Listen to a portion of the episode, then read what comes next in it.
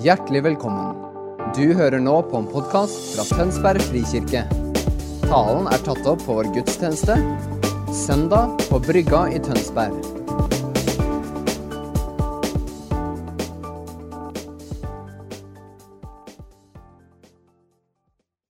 Det kan hende dette er siste søndagen eller nest siste. Jeg har gitt Øyvind Mathias frihet neste søndag til å velge sitt tema. Godhet eller Guds farshjerte. Men det kan hende dette er siste søndagen, og jeg skal prøve å på en måte pakke inn, oppsummere og trekke trådene sammen på dette temaet. Vi tror på Gud, vår far. Samtidig skal jeg trekke en link til forrige søndag jeg talte om nettopp dette her med hjertetilgivelse. Dere som ikke hørte den talen, den ligger ute på podkasten vår for 14 dager siden og heter 'Hjertetilgivelse del 1'. Plukk opp den, eh, så henger det mer sammen. Men jeg skal gi noen, noen eh, kjappe repetisjoner nå, sånn at vi er noenlunde på samme sida. Jeg prekte da over og la ut teksten Matteus 18 som dere hørte som lesetekst i dag. Eh, det er en lignelse. Eh, og en lignelse, hvis vi leser den og tolker enhver del av den lignelsen, og det er dette jeg folder ut i forrige tale, så går vi oss vill. En lignelse har som regel ett poeng. Ett hovedpoeng, og det er det hele. Eh, og hovedpoenget til Jesus her, i Matteus 18, det er Skal vi se Der. Dette leste vi ikke, men jeg prekte om det forrige søndag. Først så har vi nøkkelmakten, hvor Jesus sier alt dere binder på jorda, skal være bundet i himmelen. Og alt dere løser på jorda, skal være løst i himmelen. Og da er det altså synden og syndens makt og fristeren og hele hans hær vi har autoritet til å binde. Og så er det tro, den troende, våre søstre og våre brødre, våre søsken i Kristus, vi har mandat til å løse. Og når vi bruker nøkkelmakten, så setter vi enhver bror eller søster fri. Jeg sier, 'Jeg tilgir deg Jesu navn'. Ta imot Guds tilgivelse i Jesu navn. Eller den absolusjonen som fra den tradisjonen jeg kommer fra, på en måte var liksom preste, presteprivilegiet. Men det er det allmenne prestedømmets privilegium, dere. Å få lov til å si fram absolusjonen. Etter vår Herre Jesu Kristi ord og befaling tilsier jeg deg alle dine synders nådige forlatelse. I Faderens og Sønnens og Den hellige ånds navn. Det er lenge siden mange av dere gikk på skolen, men har dere lyst til å pugge, så pugg det der og si det til noen stadig vekk. For det er sant. Og vi trenger å bruke løse makten. For det er sannelig nok som binder og ødelegger og river ned. Men den løse makta, den setter fri. Og når vi oppsummerer temaet 'Vi tror på Gud, vår Far', så er det helt, helt sentrale, som alle lovsangene denne morgenen også har vært i, nettopp dette. At vi tror på hva vi har fått lov til å ta imot i Jesus Kristus. Og tror det så mye at vi lever det. Noen ganger dere, så har jeg inntrykk av at kristenlivet blir på den måten at vi tar imot alt i Guds nåde, men derfra og ut er det vårt ansvar å holde oss på matta. Det kalles lovisk kristendom. Å leve fritt er å leve i nåden hver dag. Jeg har tilgivelse for alt for Jesus skyld. Idet jeg trer inn i nådepakten, tar imot troen på Jesus Kristus og friheten i ham. Og jeg lever i den friheten hver eneste dag, så lenge jeg lever. Så lenge det er pust i disse lungene, lever jeg i den nåden. Og i den nåden gjør jeg framskritt på veien mot helliggjørelse, og det blir stadig bedre å være meg. Og på den samme veien tryner jeg så det står etter om å be om tilgivelse. Men begge deler skjer i nåden. Og Det er dette Jesus prøver å male ut der. I Matteus 18. Sikker på at Peter syntes han var raus. Fordi at Moseloven foreslo ikke sju ganger. Så når Peter foreslår å tilgi, tilgi syv ganger fullkommenhetstallet, liksom, så tenkte han nå får jeg stjerner i boka eller fisk i garnet. Men Jesus dobler det hele, og mange dobler det hele. Enten 70 ganger 7 eller 70 år 7, uansett så er det uendelig mye. Og så viser han oss og forteller denne lignelsen på bakgrunn av denne dialogen. Det fins ikke grenser for Guds tilgivelse. Og Allikevel hender det at vi leser Matteus 18 og plutselig ser noen betingelser for tilgivelsen. og Det er det jeg rydda opp i forrige gang. Se på det her.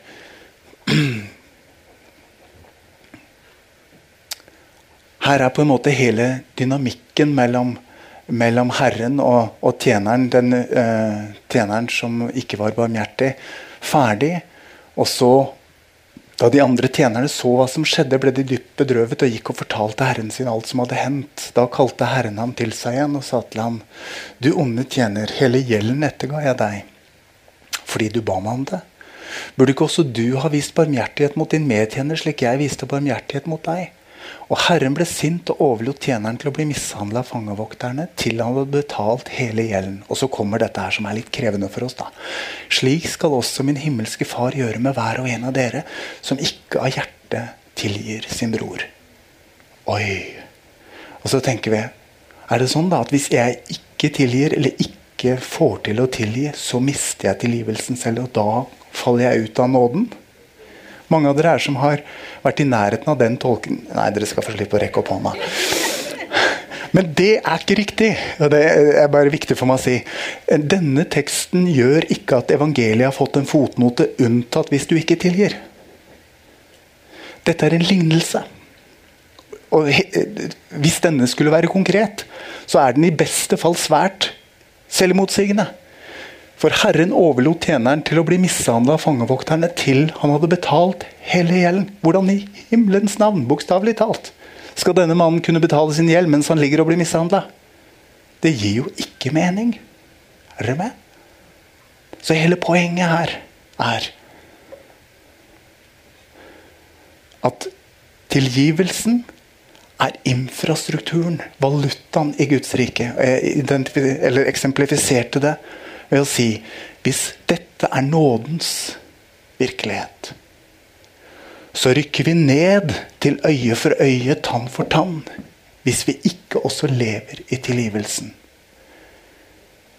Hvis vi ønsker å leve i den nåde vi har tatt imot, så må vi ta den imot og gi den videre. I det øyeblikket vi slutter å gi den videre, så rykker vi ned. Faller vi ut av nåden? Nei, det går ikke an å falle ut av nåden. fordi Ingenting kan skille oss fra Guds kjærlighet til Kristus Jesus. Romerne 8.1. Hva er da logikken? Hvem er fangevokterne? Det fins ikke noe god teologi for at vår Herre har et sett med fangevoktere som står klar for å ta tak i alle dere som ikke syns det er så lett å tilgi. Det er ikke noe god teologi på det der. Jeg skal si litt om det i dag, og det var dette jeg ikke rakk forrige gang. En av fangevokterne heter bitterhet. En annen heter uforsonlighet. Og det fins mange flere. Poenget er hvis vi lever i nåden og tar imot friheten i Kristus Jesus, og så stenger igjen for nåden i relasjonene våre, så stanser også nådens strøm inn i oss. Og så fanges vi av vår egen bitterhet, av vår egen uvilje til tilgivelse, og vår egen forsonlighet, vår egen hevngjerrighet og vår egen stolthet. Og flere fangevoktere trenger vi ikke. Er dere med? Skjønner dere teksten nå? Det er dette Herren snakker om.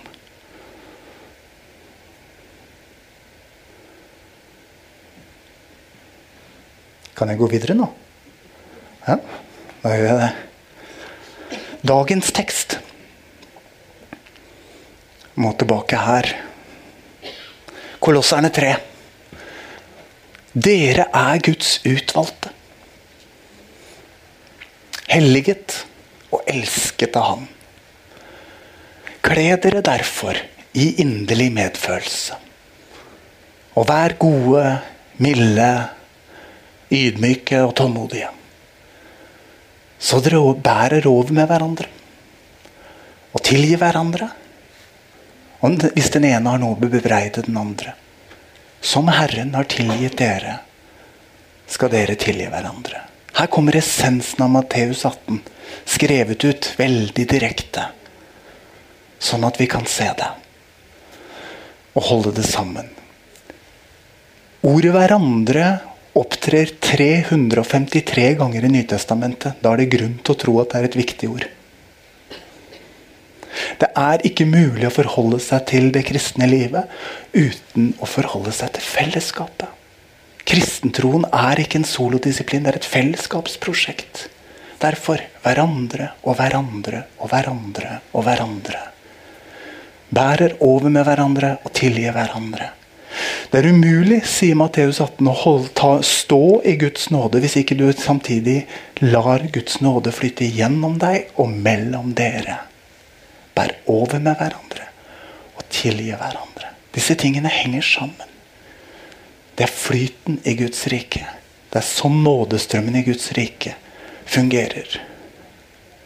Noen av de mest avgjørende møtepunktene med Gud for meg i mitt liv er kommunisert gjennom et fellesskap som har blitt landingsplass for Guds kjærlighet så sterkt at det forvandla mitt indre. Det var ikke en boff, der slo Guds herlighet ned. Nei. Jeg kom inn i et fellesskap som var så, i så stor grad bærer av Guds nåde og kjærlighet i sitt fellesskap at jeg fikk lov til å ta del i og bli forvandla av den kjærligheten som fellesskapet bærer. Og da hører dere at vi er ikke langt unna det Gud har gitt oss som en visjonssetning, å være en menighet overøst av kjærlighet til Gud og mennesker.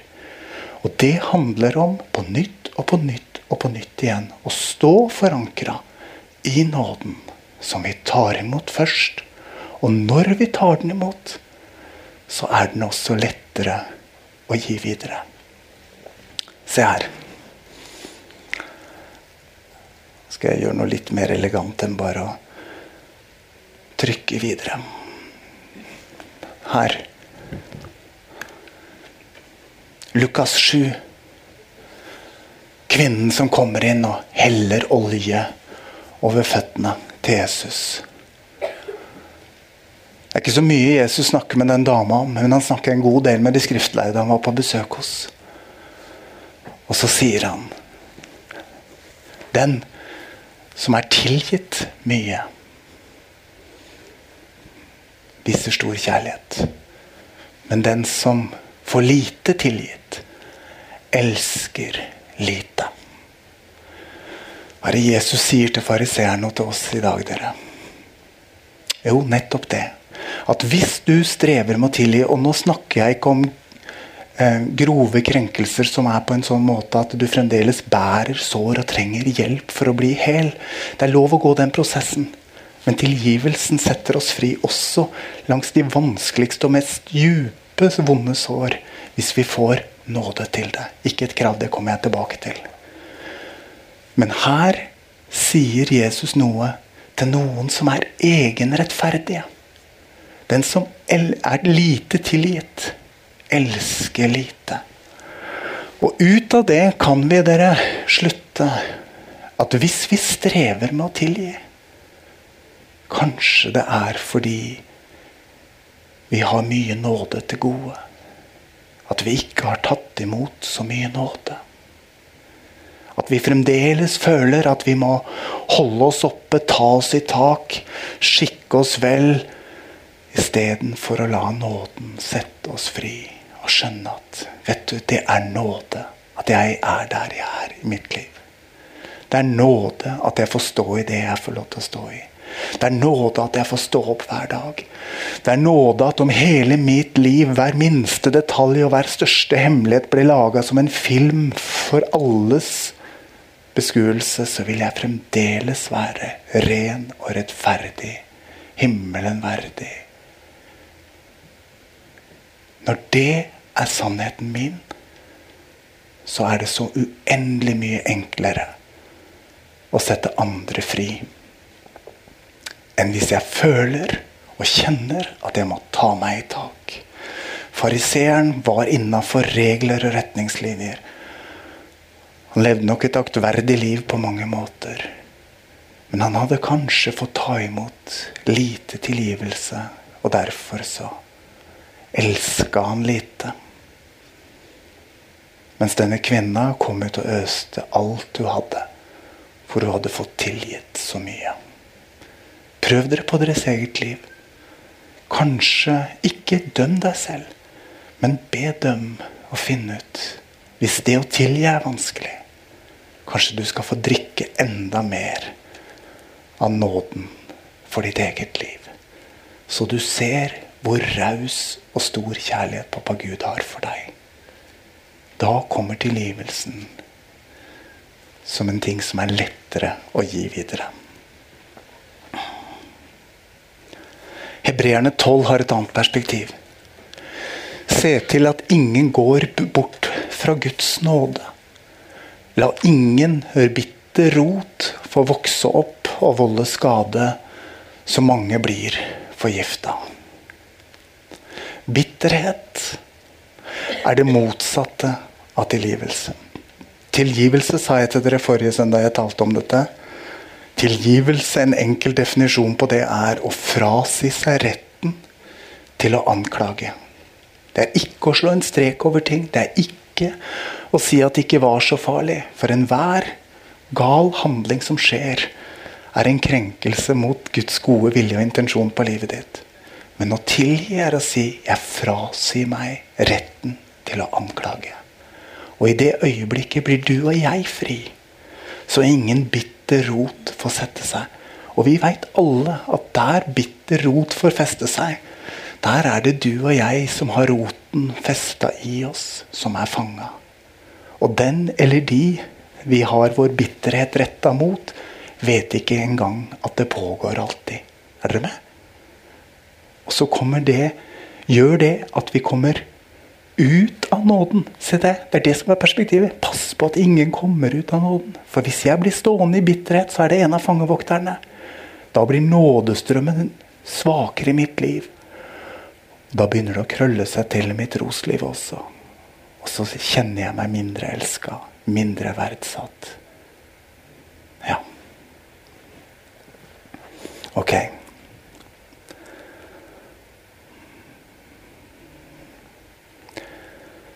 Og samtidig så må vi snakke sant om livet.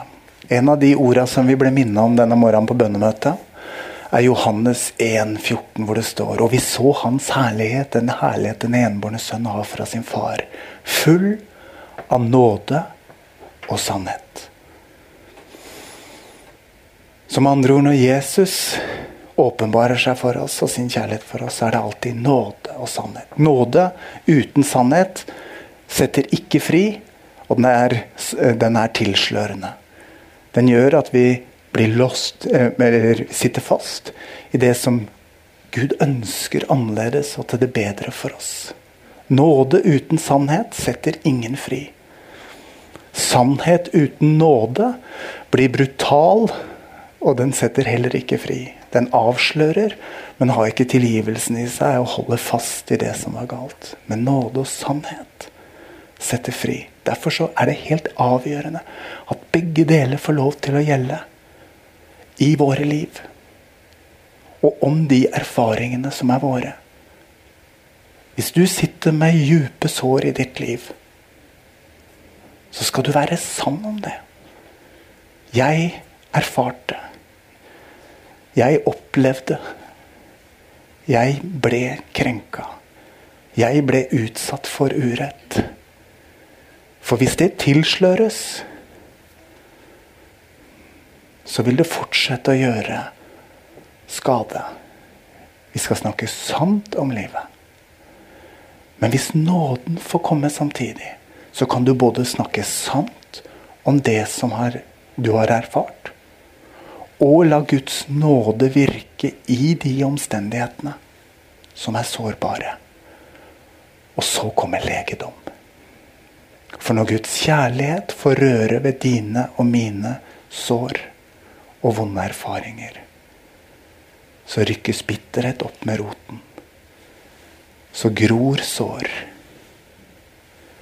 Og så kjenner vi plutselig på både nærvær, takknemlighet og tro. Hvis vi tuller med disse tinga, så kan vi til og med komme i anfektelse, de, sa de gamle der. Eh, da kan vi begynne å streve med å tro. og kjenne oss elska kjenne Guds nærvær. Fordi vi ikke holder disse størrelsene, nåde og sannhet, sammen på en riktig måte. Som får hjelp til å være sanne om det vi har erfart. Og hjelp til å ta imot Guds nåde. Til indre helbredelse og til legedom. Det setter oss fri. Og da ønsker vi å være en kirke hvor det er rom for dette. Det er derfor vi har samtalesenteret. Ser opp på Geir som sitter her, og Bergljot her, og flere andre gode medarbeidere. Vi ønsker at dere skal ta tak i livet deres. Gå prosessene. Snakke sant. Og få hjelp til å bli møtt av Guds nåde på alle de punktene som har vært vanskelige for dere. For det Han kan gjøre i oss og gjennom oss, er uendelig mye mer enn det vi får til på egen hånd. Og frukten av det er at vi i enda større grad får lov til å erfare pappa Guds uendelige kjærlighet over hver og en av oss. Det er helt naturlig å sette opp noen beskyttelsesmurer når du er såra. Du gjør det helt instinktivt. Det er helt rett. Noen trenger en del murer hele livet fordi de er så ordentlig, ordentlig utsåra. Men jo flere murer som kan rives ned fordi at Guds kjærlighet og legedom har gjort dem unødvendig, jo mer frihet får vi vinne tilbake. Og jo mer av livets glede får vi lov til å innta sammen. Synd og gale valg. Hva skjedde med Adam og Eva? De løp og gjemte seg. Jeg har sagt det mange ganger til dere. Vår Herre er ikke så redd for synda vår, for han har fiksa det. Han har gjort opp for det. Men vi burde være redd for den, for synda gjør så mye ugagn for oss. Og hver gang vi sier ja til noe vi burde sagt nei til, så skjer det noe på innsida som gjør at vi iallfall i overført betydning gjemmer oss for vår Herre. Og så kommer han på avstand, og så kjenner vi oss mindre elska. Så det å leve i daglig omvendelse, i åpenhet og ærlighet, og stå rotfesta i Hans nåde. Jeg pleide å si det til konfirmantene, det er et veldig enkelt bilde, men det skjønte de. Når du står med begge beina midt uti den sølepytten av synd du aldri burde tråkka i, og Guds motstander prøver å hviske deg i øret at du er sannelig ikke mye tess, og du burde vel ikke vært en kristen, du, så kan du mens du har beina midt i sølepytten, løfte blikket og si Vik bak meg, Satan. For det fins ingen fordømmelse for den som er i, Kristus Jesus. Det betyr ikke at Vår Herre syntes det var veldig artig at du sto oppi den sølepytten. Men han er himmelsk far som elsker å løfte oss ut av den. Og han har ny parkas og tørre bukser. Det går fint. Er dere med? Og det er banalt bilde. Men av og til trenger selv vi voksne noen banale bilder, fordi at nåden er så enkel og så vanskelig samtidig at vi har en god tendens til å gå Klaran stadig vekk. Sår og bitterhet. Sår gjør Vanskelige erfaringer i livet gjør at vi kan komme til plasser hvor det er vanskelig å tilgi. Fordi at følelsen er så vond. Det såret som ble skapt, gjorde så uendelig vondt. Og det er så vondt å på en måte slippe det. Men hvis du tar imot Guds nåde og tilgivelse, så skal du slippe å fornekte at det var sant, og at det gjorde vondt, det som skjedde. Men du kan samtidig få ta imot kjærlighet og evne til å tilgi som gjør at det mister taket og innflytelsen på livet ditt mer. Å velge tilgivelsen, ta den imot for seg selv og gi den videre, handler ikke om å sette en strek over eller bagatellisere den urett som var gjort mot deg. Men det handler om å stå fatt på legedomsprosessen for sin egen del. Og så dette med selvbildet og gudsbildet, dere. Det er veldig interessant. Det er gjort mye forskning på at selvbildet og gudsbildet henger nøye sammen. Hvis vi går rundt med et bilde, et selvbilde som er ikke forankra i Guds nåde 'Jeg er en elska sønn og datter', men at det egentlig under der ligger en snikende tanke om at jeg burde vært litt bedre. Modale hjelpevei, det er det farligste som fins, dere. Hvis du noen gang tenker om deg selv et eller annet burde, skulle, måtte, så er du på en lovisk vei. Slutt. Du kom inn i dette livet med pappa Gud helt uten nåde. Du kan ikke legge en tøddel til, eller trekke en tøddel fra dette livet som du lever, bare av nåde. Men du kan lære deg selv å kjenne. Hvis det fins noe måtte, burde, skulle i ditt tankesett om deg selv, så kan det også hende at du strever litt med å kjenne pappa Guds uf, uh, uforbeholdne kjærlighet over livet ditt. Fordi gudsbildet og selvbildet henger sammen. Dette er godt stoff for en samtale på samtalesenteret. Eller to eller tre eller fire eller fem. Eller noen til. Ta deg selv så på alvor at du jobber med ditt eget gudsbilde. Og så vil du også erfare hvordan gudsbildet endrer seg i takt med det. De henger sammen, de to. Veier til tilgivelse. Tilgivelse er nøkkelen til et sunt sjelsliv og til sunne relasjoner. Og jeg har sagt noe nå om at nåde og sannhet henger sammen. Jeg fant eh, en spennende forskningsartikkel av en dame som het Eileen Rasmussen. Må være norsk-amerikaner. Hun eh, opererer i Donalda i Canada. Men hun har gjort et forskningsprosjekt som viser at det både for psykisk helse og for fysisk helse har store helsefordeler å tilgi. Det er ikke så dumt. Det er ikke så rart heller. Det er Masse sjelelig helse i å velge å tilgi. Og til og med kardio Nei, hva bare det står Dette er jo ikke mitt fagfelt, da.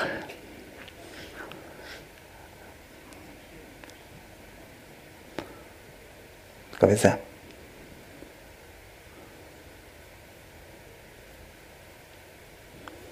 Nå roter jeg litt. Ha meg tilgitt.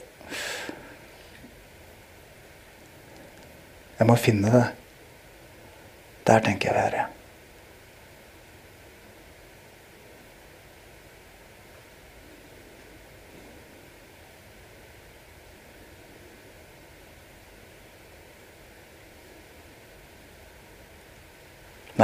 Unnskyld. Dere får stole på meg. Jeg skal finne referansen etterpå. Jeg finner ikke noe i farta. Men iallfall, det å velge tilgivelsen gir oss en mental helse og en fysisk helse som er bedre. Det demper stress. Uh, men se på det her. Vi kan ikke kreve tilgivelse. Hvis tilgivelse blir et krav, så opphører den å eksistere.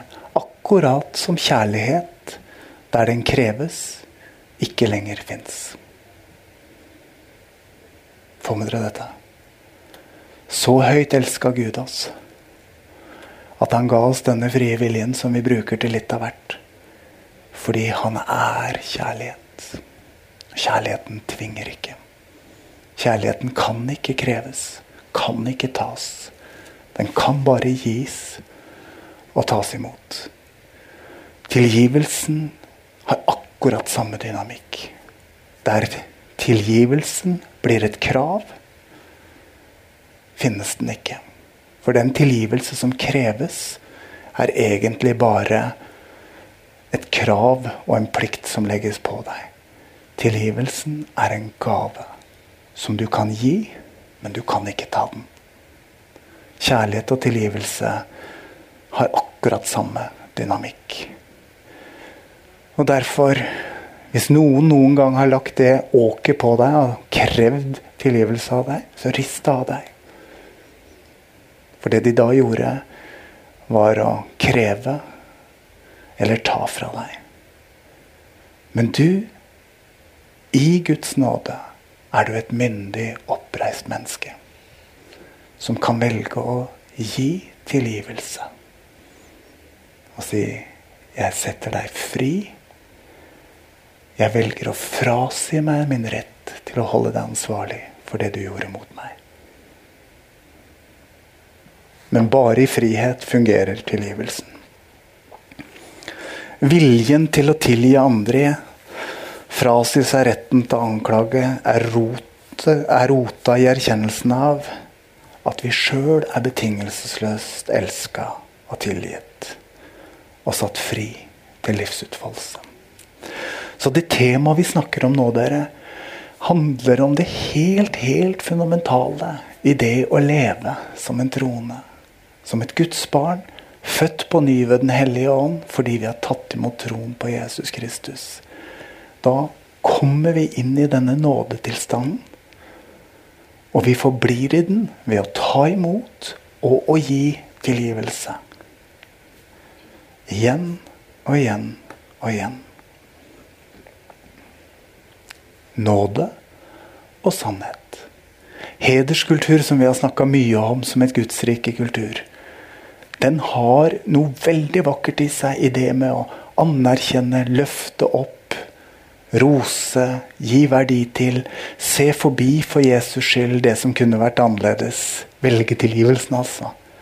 Men den har også sin kvalitetssikring i at vi konfronterer i kjærlighet. Med andre ord, vi er sannheten tro i kjærlighet. Da blir det sunt. Da forløser det liv. Da blir det trygt. Eh, fellesskap. Men uten sannhet så blir det utrygt. Litt på slutten om dette med fellesskap.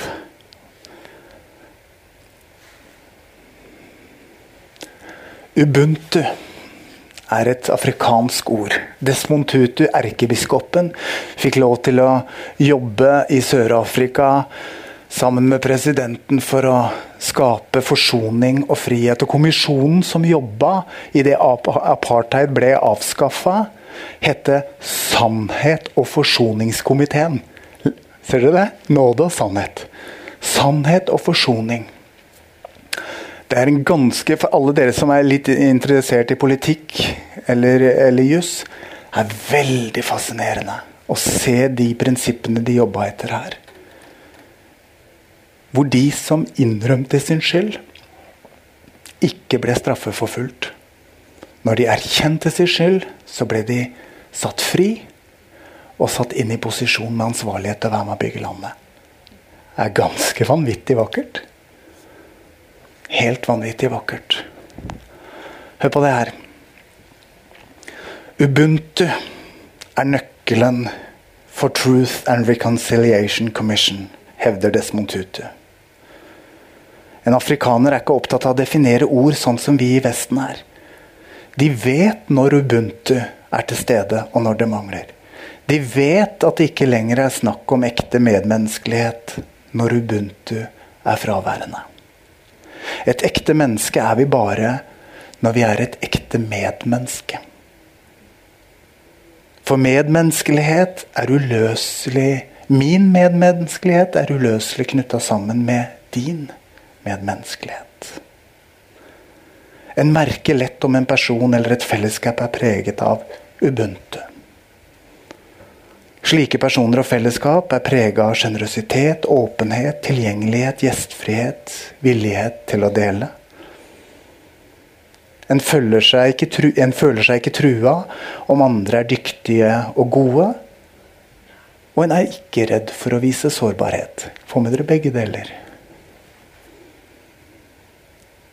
En er en del av et større fellesskap som gir plass både for styrke og svakhet. Andres liv og skjebne angår ens eget liv. Når noen blir ydmyka og undertrykka, og deres verdighet blir tråkka på, så er det en selv som blir fornedra. For vi er en del av hverandres liv. Er ikke dette vakkert, dere? Dette afrikanske ordet ubuntu er ganske likt i verdisettet som sannheten om Guds rike. hvor vi er lemmer på legemet. Vi er hus av levende steiner. Vi er gitt til hverandre som menighet. Når en av oss lider, lider de andre med. Når en av oss seirer, så gleder de andre seg med.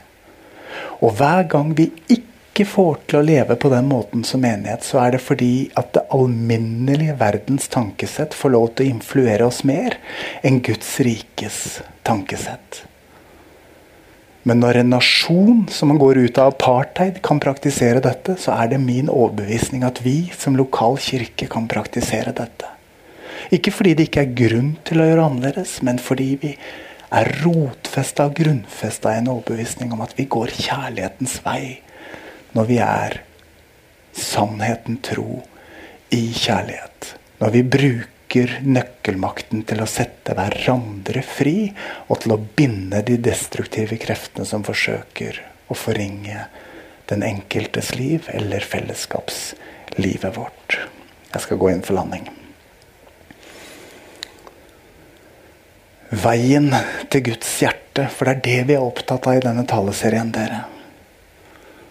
Efeserne 4,32.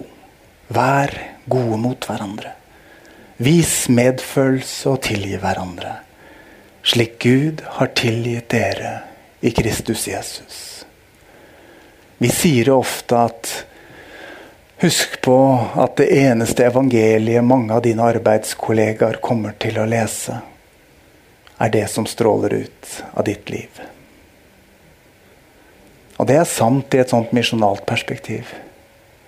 Men husk også på dere at også her i fellesskapet vårt, i kirka, så leser vi evangeliet gjennom måten vi møter, elsker, tilgir, konfronterer i kjærlighet.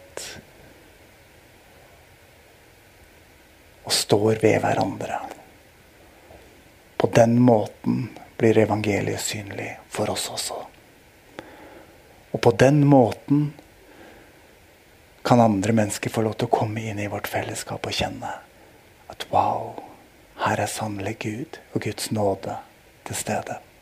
Vi hadde gjestepredikant forrige søndag. Tor Erling Fagermoen, pastor i Bergen frikirke. Og det er nydelig å få noen utenfra som speiler oss. Og han var begeistra for det han gjenkjente og så av Guds nåde over oss. Takk, Jesus. men hverandre igjen. Jeg har satt opp alle hverandre-formuleringene jeg fant i Nytestamentene. Skal jeg lese de kjapt for dere før jeg avslutter? Ha kjærlighet til hverandre. Vent på hverandre. Tjen hverandre. Bær hverandres byrder. Bær over med hverandre. Vær hverandres lemmer. Vær gode mot hverandre. Vis medfølelse med hverandre. Tilgi hverandre. Vær hverandre underordna. Vær hverandre, eh, ikke lyv for hverandre, undervis hverandre, rettled hverandre, trøst hverandre, sett mot i hverandre, oppmuntre hverandre, oppbygg hverandre, ikke baktal hverandre, vær ydmyke mot hverandre, lev i fred med hverandre, vær gode mot hverandre, ha omtanke for hverandre, oppglød hverandre, ikke klag på hverandre, bekjenn syndene for hverandre, be for hverandre, vær gjestfri mot hverandre, ha fellesskap med hverandre og elske hverandre. Ja, hvis vi gjør én av de i uka gjennom et år, så tror jeg vi begynner å nærme oss noe. Det begynner å se ut som noe. Men det er ikke noen tvil om, når dette står i ordet, så er det fordi at dette er viktig for Gud. Må Herren la kjærligheten dere har til hverandre og til alle mennesker, få vokse seg rik og stor, slik, slik som vår kjærlighet til dere. Slik skal han styrke hjertene deres. Dette oppsummerer på en måte det jeg har forsøkt å formidle i dag. Slik skal han styrke hjertene deres, så dere står uklanderlige og hellige for Gud vår Far når vår Herre Jesus kommer med alle sine hellige. Amen. Der runder vi av. Sigrid, vil du komme opp? Og jeg har lyst til at vi skal runde av med å be litt. Grann sammen. Målet og ønsket vårt med å undervise om vi tror på Gud vår Far, var å hjelpe hver og en av oss til på nytt igjen å bli forankra i Guds kjærlighet. Og ta imot nåden. Den som kommer uten fotnoter. Den som sier at du er elska i dag. Du kommer til å være elska i morgen. Og du var elska fra den dagen du ble unnfanga. Når han så deg som et foster, når han talte hårene på ditt hode. Du er elska. Så lenge dette er i hodet, former det ikke liv. Men når det begynner å komme ned i hjertet som en visshet i vårt indre, som en gave og som en virkelighet som Den hellige ånd får lov til å åpenbare for oss, så former det liv. Og det er det mest definerende vi kan ta imot.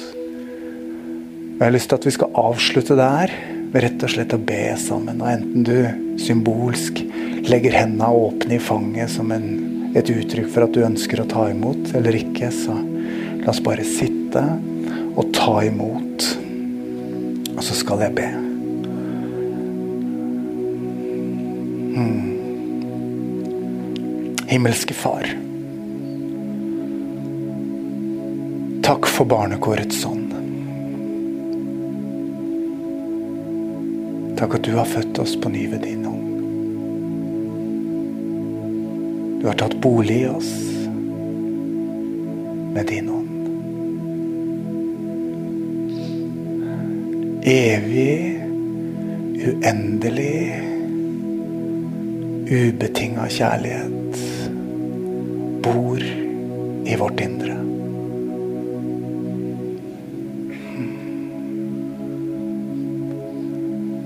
Og ber vi deg, gode Helligånd, kom over oss på ny. Som en strøm av levende vann. som en salveolje som leger vonde av sår. Kom over oss, Hellige. Vi tar imot.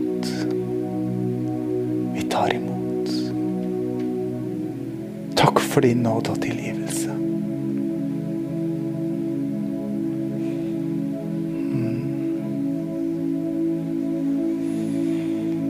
Jeg tror mens jeg ber nå, så får noen av dere opp tanker og minner om ting dere har gjort og ikke burde ha gjort. Og det er ikke fordi dere er så fæle, men fordi Den hellige ånd minner dere om det han ønsker at dere skal kaste i søppelbøtta. Og la nåden vaske. Herre, la din nåde og tilgivelse fornye oss og forfriske oss i dag.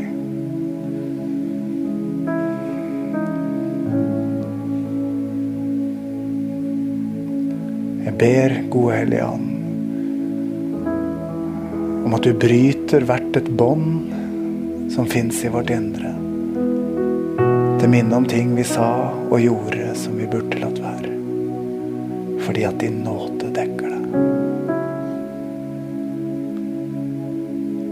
Jesus, på det, med den autoritet du har gitt meg, så bruker jeg nøkkelmakten i dag overfor huset vårt.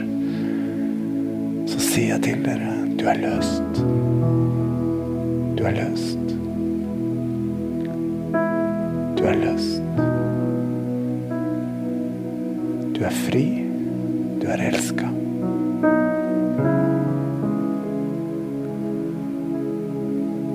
Du er sønn. Du er datter. Ta imot hans kjærlighet. Og når fylden av hans kjærlighet fyller ditt indre, så vet du hvem du er. Hvorfor du er til. Og du kjenner takknemlighet over at du får lov til å være akkurat deg. Og hvis ikke det beskriver dine følelser nå, så drikk mer. Ta imot mer. Inntil den vissheten takknemligheten stiger opp fra ditt indre. Du er elska akkurat som du er.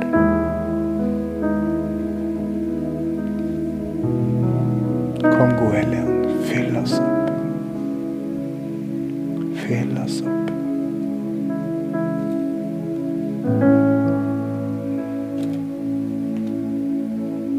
Og Jesus, det vi får lov til å ta imot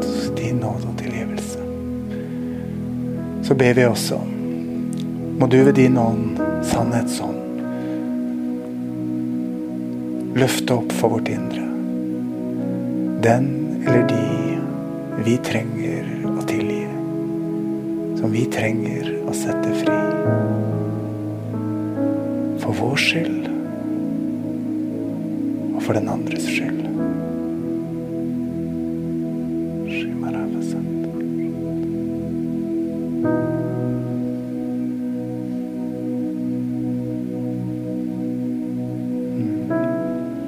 Takk, Jesus.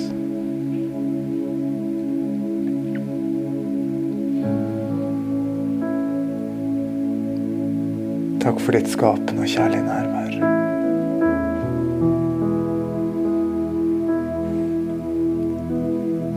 Takk at du løser bånd setter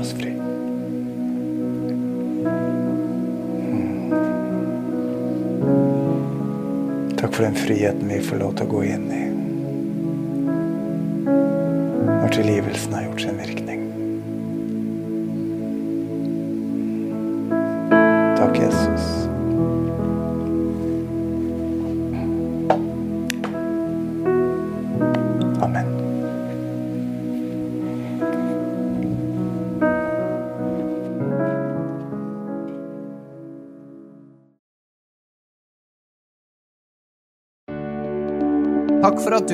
vår podkast. Har du spørsmål eller ønsker du å vite mer? Søk oss på vår nettside tonsbergfrikirke.no. Du er også velkommen til kirke på Brygga i Tønsberg.